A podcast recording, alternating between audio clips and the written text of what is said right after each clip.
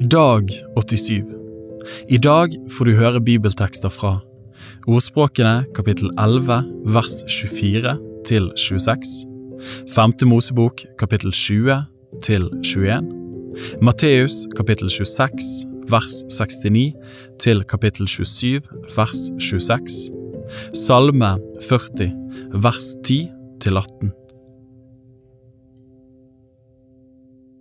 Ordspråkene kapittel 11 vers 24 til 26 Den ene strør ut og får enda mer. Den andre holder tilbake mer enn rett er, og det blir likevel bare fattigdom.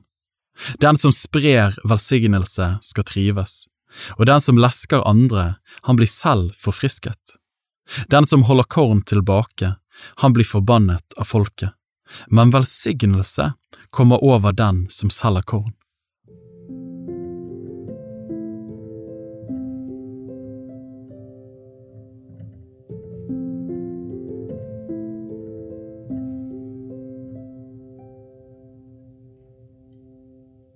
Femte Mosebok kapittel 20 til 21 Når du drar ut i krig mot din fiende, og du ser hester og vogner og flere krigsfolk enn du selv har, da skal du ikke være redd dem, for Herren din Gud er med deg, Han som førte deg opp fra landet Egypt. Når dere er i ferd med å gå i striden, skal presten tre fram og tale til folket, og han skal si til dem, Hør, Israel, dere er i dag i ferd med å gå til strid mot deres fiender. Mist ikke motet. Frykt ikke, bli ikke forferdet, og la dere ikke skremme av dem. For Herren deres Gud går selv med dere for å kjempe for dere mot deres fiender og frelse dere. Og tilsynsmennene skal tale til folk og si, Er her noen mann som har bygd et nytt hus og ikke innviet det? Han kan vende tilbake til sitt hus for at han ikke skal dø i striden og en annen innvie det.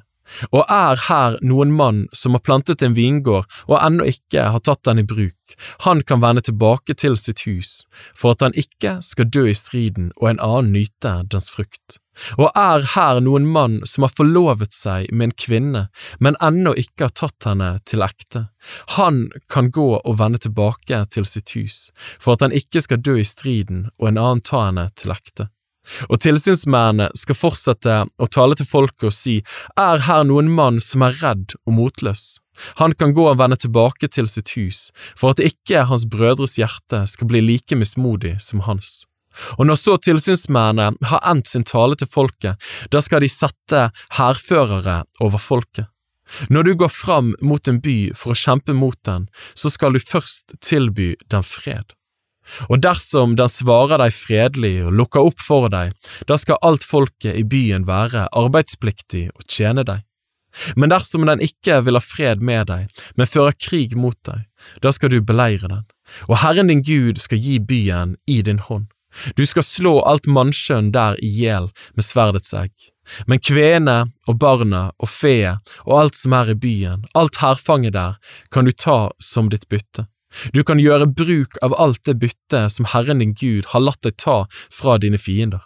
Slik skal du gjøre med alle de byene som ligger langt borte fra deg og ikke hører til folkene i nærheten. Men i de byene som hører disse folkene til, og som Herren din Gud gir deg til arv, der skal du ikke la noe som drar ånde bli i live. Du skal slå dem med bann, både hetittene og amorittene og kananeerne og ferisittene, hevittene og jebusittene, slik som Herren din Gud har befalt deg, for at de ikke skal lære dere å ta etter alle de motbydelige tingene som de har gjort for sine guder, så dere synder mot Herren deres Gud. Når du holder en by beleiret i lang tid, og kjemper mot den for å innta den, så skal du ikke ødelegge dens trær ved å skadehogge dem med øksen. Du kan ete av dem, men du skal ikke hogge dem ned. Trærne på marken er da ikke mennesker, så du skulle angripe dem også.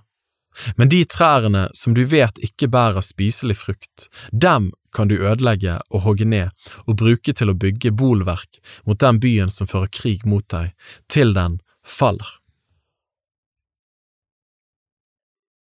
Kapittel 21 Når noen finner en mann som ligger drept på marken i det landet Herren din Gud gir deg i eie, og ingen vet hvem som har slått ham i hjel, Da skal dine eldste og dine dommere gå ut og måle hvor langt det er fra den drepte til de byene som ligger der omkring.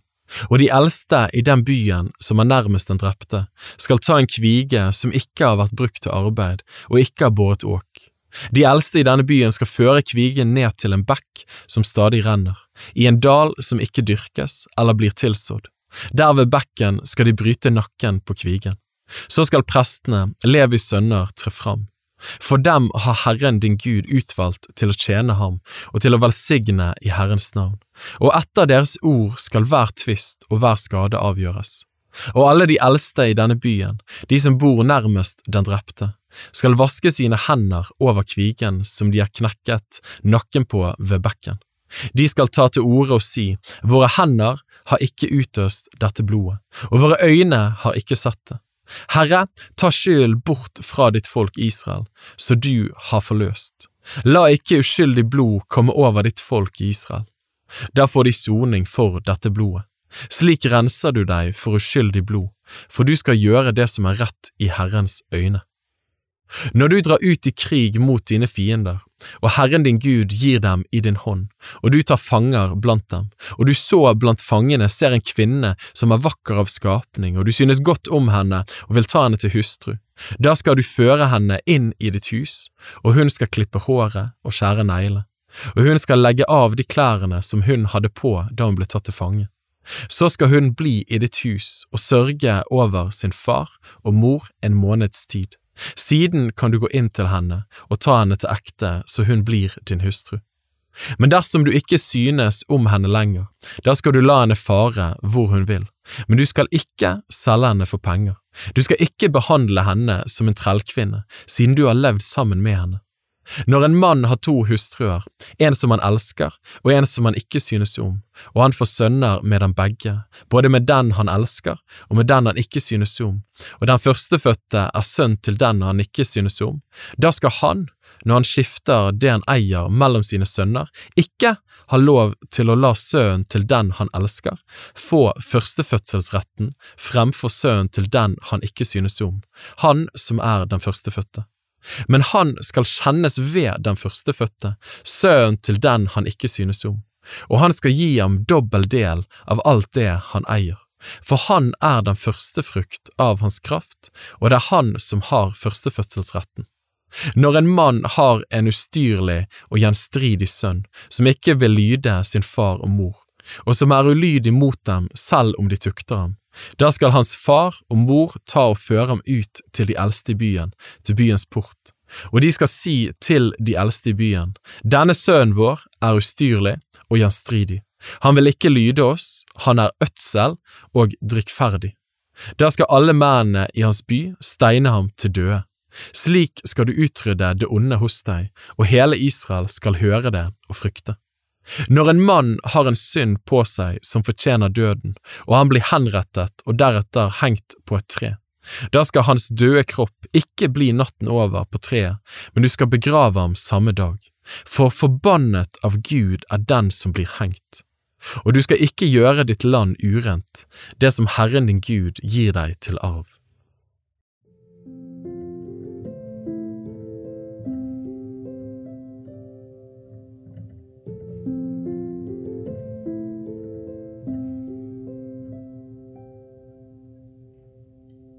Matteus kapittel 26 vers 69 til kapittel 27 vers 26 Men Peter satt utenfor på gårdsplassen.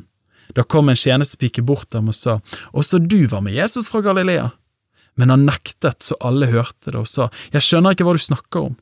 Men da han gikk ut i portgangen, fikk en annen pike se ham og sa til dem som var der, Også denne var med Jesus fra Nasaret. Og igjen nektet han med ed, Jeg kjenner ikke det mennesket. Men litt etter kom de som sto der, bort til Peter og sa, Visst er du også en av dem, målet ditt røper deg.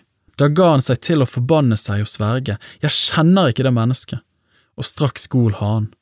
Da mintes Peter Jesu ord, at han hadde sagt til ham, før hanen galer skal du fornekte meg tre ganger, og han gikk ut og gråt bittert. Kapittel 27 da det nå var blitt morgen, holdt alle yppersteprestene og folkets eldste råd mot Jesus, for å få ham dømt til døden, og de bandt ham og førte ham bort og overga ham til landshøvdingen Pilatus. Da Judas som forrådte ham så at Jesus var blitt domfelt, angret han. Han kom tilbake til ypperstepresten og de eldste med de 30 sølvpengene og sa, Jeg har syndet da jeg forrådt uskyldig blod. Men de sa, Hva kommer det oss ved, det blir din sak.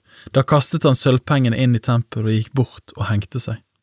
Men yppersteprestene tok sølvpengene og sa, Det er ikke tillatt å legge dem i tempelkisten, for det er blodpenger. De rådslo da med hverandre og kjøpte så pottemakerens åker for pengene til gravsted for fremmede. Derfor blir denne marken kalt Blodåkeren den dag i dag.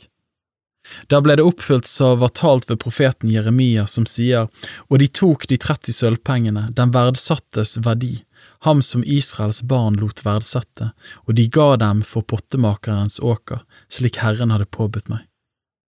Men Jesus ble stilt fram for landshøvdingen, og landshøvdingen spurte ham, Er du jødenes konge?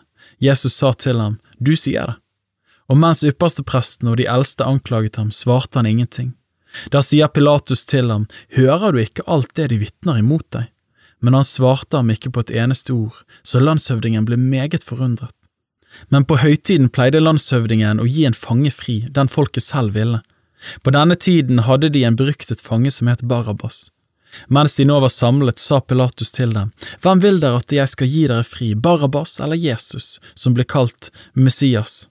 For han visste at det var av misunnelse de hadde overgitt ham. Men mens han satt på dommersetet, sendte hans kone bud til ham og lot si, Ha ikke noe å gjøre med denne rettferdige, for jeg har i natt lidd meget i drømme for hans skyld. Men yppersteprestene og de eldste overtalte folket til å be om å få Barabas frigitt, men Jesus drept. Landshøvdingen tok da til orde og sa til dem, Hvem av de to vil dere at jeg skal gi dere fri?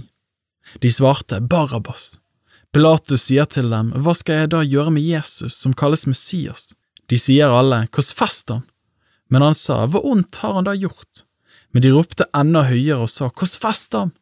Pilatus så at ingenting nyttet, men at oppstyret bare ble verre. Han tok da vann og toet sine hender mens folket så på og sa, jeg er uskyldig i denne rettferdige manns blod, dette får dere svare for. Og hele flokken svarte og sa, Hans blod komme over oss og over våre barn. Da ga han dem Barabas fri, men lot Jesus hudstryke og overga ham til å korsfestes.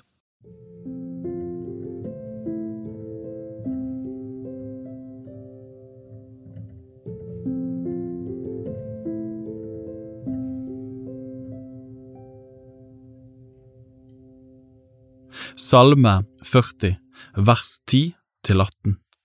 Jeg bar fram godt budskap om rettferdighet i en stor forsamling. Se, jeg lukket ikke mine lepper, Herre, du vet det. Jeg holdt ikke din rettferdighet skjult i mitt hjerte. Jeg har kunngjort din trofasthet og din frelse. Jeg skjulte ikke din miskunnhet og din sannhet for en stor forsamling. Du, Herre, vil ikke holde tilbake din barmhjertighet for meg. Din miskunnhet og din sannhet vil alltid bevare meg, for trengsler uten tall omgir meg. Mine misgjerninger har grepet meg så jeg ikke kan se. De er flere enn hårene på mitt hode, og mitt hjerte har sviktet meg. La det behage deg, Herre, og fri meg ut. Herre, skynd deg å hjelpe meg. La alle dem som står meg etter livet og vil rive det bort, bli til skam og spott. La dem som ønsker ulykke over meg, vike tilbake og bli til skamme. La dem som sier til meg ha-ha, bli forferdet på grunn av sin egen skam. La alle dem som søker deg, fryde og glede seg i deg. La dem som elsker din frelse, alltid si høylovet være Herren. Jeg er elendig og fattig, men Herren vil tenke på meg. Du er min hjelp og min frelser, min Gud, dryg ikke. Bibel på ett år er lest av meg, Daniel Sæbjørnsen, i regi av Tro og Medier. Oversettelsen er Norsk bibel 8807, og bibelleseplanen er hentet fra deres bok Ett års bibel. Hvis du ønsker å bli bedre kjent med Tro og Medias arbeid, og stå sammen med oss i å nå nye mennesker på nye måter med verdens beste nyheter om Jesus Kristus, se vår nettside troogmedier.no. Og gjerne meld deg på vårt nyhetsbrev for å få de siste spennende oppdateringene. Ha en velsignet dag videre.